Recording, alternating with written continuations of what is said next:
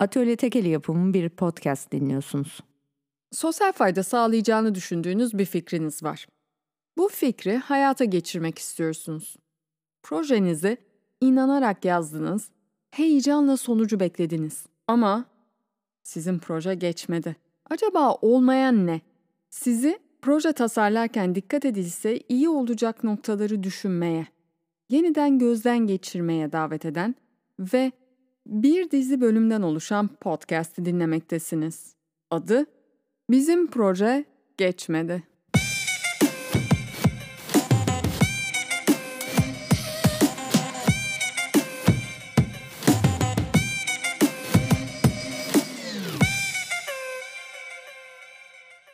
Merhaba, ben Didem Tekeli. 15 yılı aşan süredir sosyal kalkınma hedefiyle yapılan projelerde çalışan, 10 yılı aşkın süredir de proje değerlendiren birisi olarak buradayım. Size önemli gördüğüm birkaç konuda 2-3 satır söyleyerek proje yazarken bugüne kadar neyi olduramadığınızı anlamanıza yardımcı olmak istiyorum. Aman dikkat! Unutmayın, size sunduğum yalnızca bir gıda takviyesi, temel gıda değil.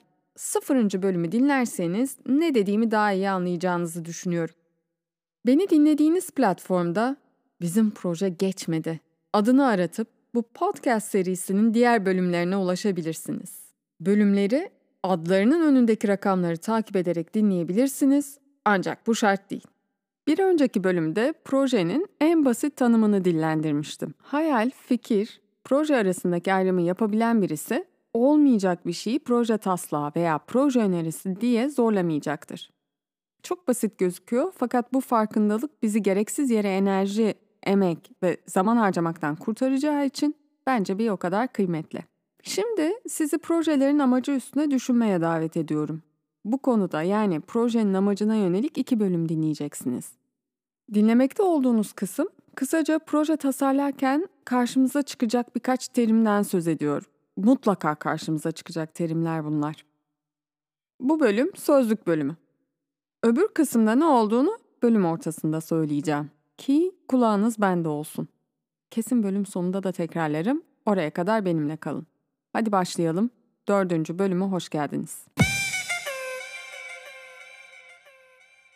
Bugüne dek proje yazmaya niyetlendiği için karşılaştığım kişilerin çoğu proje dilini, ona dair terimleri bilmedikleri için zorlanıyor.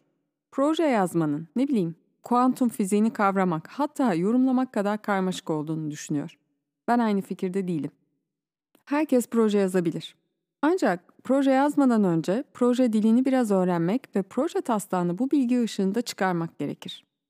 Projenizin genel amacı nedir? Projenizin aktiviteleriyle elde etmek istediğiniz sonuçlar nedir? Projenizle ne tür çıktılar ortaya koyacaksınız ve neden? Bu soruları bir arada duyduğunuzda kafanızın karıştığı oldu mu? Hı? Evet. Kesinlikle oldu. Kesinlikle oldu. Neden proje başvuru rehberi, proje başvuru formu, kanji ile yazılmış tabelaları okuyarak yol bulmaya çalışmak gibi geliyor bize? Bence bu zorluğun en büyük nedeni ortak bir dille konuşmuyor olmamız. Proje tasarlarken kullandığımız jargon ne yazık ki ithal bir jargon. Belki buna jargon bile denemez. Oraya hiç girmeyelim şimdi.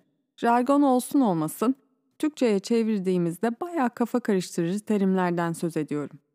Hele bu terimlerden üç tanesi var ki bugüne dek tanıdığım herkes için zorlayıcı oldular. Adı kötüye çıkmış bu masumların önce İngilizcelerini söyleyeceğim. Söylüyorum. Ding ding. Outcome, output ve result. Kıyasla kolaydan başlayalım. Output. Türkçesi çıktı. Üretim sonucu ortaya çıkan ürün ve veya hizmet. Bundan bahsediyorum. Yapmak istediğiniz bir araştırma veya toplantı basmak istediğiniz kitap, kurmak istediğiniz ağ, gerçekleştirmek istediğiniz, istediğim podcast. Bir çırpıda örnek olarak bunları verdim. Siz uzatın listeyi. Çıktılar, proje süresinde projenin kaynaklarıyla ve planladığı adımlarla ortaya çıkan doğrudan sonuçlar. Proje süresinde ve projenin kaynaklarıyla dedim. Aman dikkat! Bir eylemi gerçekleştirmek için ne kadar vakte ihtiyacımız var kafamızdaki şey hayata geçebilir mi? Çok çok önemli bir nokta. Projenin amacını ifade etmekle ilgili olarak kötü örneklere ikinci kısımda değinmek istiyorum. O yüzden şu an yalnız buraya bir bayrak koyduğumu ve denizde açıldığımız bu noktaya geri dönmek istediğimi söyleyeyim. Projeye katacağımız her bir hizmet ve ürünün anlaşılır yazılması şart. Hayata geçecekleri coğrafyaya, konuya, hedef gruba uygun tasarlanmaları gerekiyor. Yapılan işler ne, nerede, ne zaman, kimin için, nasıl yapılıyor? Tüm bunları yapmak için ne kadar vakte ihtiyacımız var? Proje süresi içinde tüm bu çıktılar ortaya konabilir mi? Bu soruları sorup atmak istediğiniz adımları kontrol edip onların gerçekçi, ölçülebilir yani doğrulanabilir, spesifik adımlar olmasını sağlamak gerekir. Hatırlayın lütfen, bu podcast gıda takviyesi. Çıktı konusunda çok daha uzun konuşulabilir. Eminim proje tasarlamaya dair kaynaklar onu uzun uzun tartışıyordur. Okumakta fayda var. Biz burada en basit haliyle çıktığı böyle tanımlayıp bir kenara koyalım. Gelelim outcome'a. Ding ding. Gelelim gelmesine ama outcome ile result Türkçe'de aynı biçimde karşılanıyor. Bunu da hatırlayalım. İkisine de sonuç diyoruz. O nedenle İngilizcesini de söyleyerek devam ediyorum. Outcome. Bir girişimde bulundunuz. Projenizde bir takım adımlar atıyorsunuz, eylemde bulunuyorsunuz. Biraz önce verdiğim örneklerde olduğu gibi. Bir toplantı yapıldı, ağ kuruldu, podcast kaydı yapıldı. İşte bu girişimlerin kısa ve orta vadede ortaya çıkacak etkilerine sonuç diyoruz. Toplantıyı yapınca ne ortaya çıktı? Ağ kuruldu da ne oldu? Podcast çektim de ne elde ettim? Bana sorun. Projenle ne sonuç elde etmek istiyorsun Didem? Projemle şu kadar bölümden oluşan bir seri podcast hazırlayacağım. Bütün bu bölümleri Türkiye'den ulaşılabilen tüm podcast ağlarında paylaşacağım. Bölümün başından beri söylediklerimi düşünün. Onlara bakarak saydığım iki sonucun sonuç olduğunu, biraz önce söylediğim anlamda sonuç olduğunu iddia edebilir miyim? Da da da da. Edemem. Fakat beklediğim sonucun şu olduğunu iddia edebilirim. Hedef kitlem içinden bu podcast'i dinleyenlerin gerekli gördükleri, dünyada gerekli gördükleri değişimi elde edebilmek için yapıp edeceklerini daha bilinçli, ne yazdıklarının farkında olarak projelendirmeleri sonucunu bekliyorum. Bunu söyleyebilirim.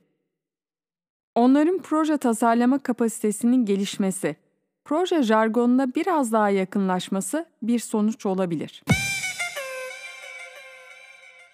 Zamanında bir uzman çıktı ile sonucu yani outcome olan sonucu birbirinden ayırmak için şöyle düşünmemi tavsiye etmişti. Ben de sizinle paylaşmak istiyorum. Ding ding. Eğer ortaya çıkan ürün veya hizmet %100 projedeki adımlara bağlıysa bunlara çıktı, ürün, hizmet diyebiliriz. Ne demek bu? Ben bu podcast için bir içerik hazırlamazsam, postane stüdyoya gelip bu kaydı yapmazsam böyle bir podcast var olmayacak. Podcast'ı hazırladıktan sonra dağıtmazsam sizler bu üründen haberdar olmayacaksınız. Kısaca podcast'in gerçekleşip gerçekleşmemesi, ortaya çıkıp çıkmaması bana bağlı. Demek ki podcast projenin ürünü veya hizmeti. Proje sonuçları ise %100 projeyi gerçekleştiren aktöre bağlı değildir. Biz istediğimiz sonucu almak için elimizden geleni yaparız, yapmalıyız o ayrı ama kesin, net bir başarıyı garantilemek zordur. Hedefime aldığım gruba ulaşmak için elimden geleni yapmaktan sorumluyum. Ama podcast'ten haberdar olan herkesin her bölümü dinlemesini garanti edemem. Böyle bir gücüm yok. Veya her bölümü dinleyen herkesin aynı kapasiteye ulaşacağını garanti edemem. Demek ki yalnızca sonuç için gerçekçi beklentilerim olabilir. İçinizden evet, elbette başka ne bekleyeceksin diyor olabilirsiniz. Demeyin. Bir proje yapıp dünyayı değiştireceğim. Bir proje yapıp dünyayı değiştireceğim düşüncesi hala aramızda. Hızlıca bir de proje bağlamında result ne demek onu söyleyeyim. proje kapsamında yapılan girişimler sonucunda ortaya konan çıktı, sonuç yani outcome ve olumlu veya olumsuz etki için kullanıyoruz result'ı. Yani yine girişimin, eylemin sonunda olana bakıyoruz ama bu defa ortaya çıkan resme daha kapsayıcı bir biçimde göz atıyoruz.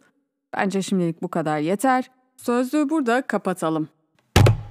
Üçüncü bölümde hayalimizdeki dünyayı, içinde yaşamaktan mutluluk duyacağımız dünyayı somut hale getirmek, somut hale gelmesine yarayacak adım atmak için proje yazarız demiştim. Projenin amacı nedir dediğimde, projenin yararlanıcılarında, hedef kitlesinde görmek istediğimiz değişim nedir? Ulaşmak istediğimiz, elde etmek istediğimiz sonuç nedir? Bunu soruyorum.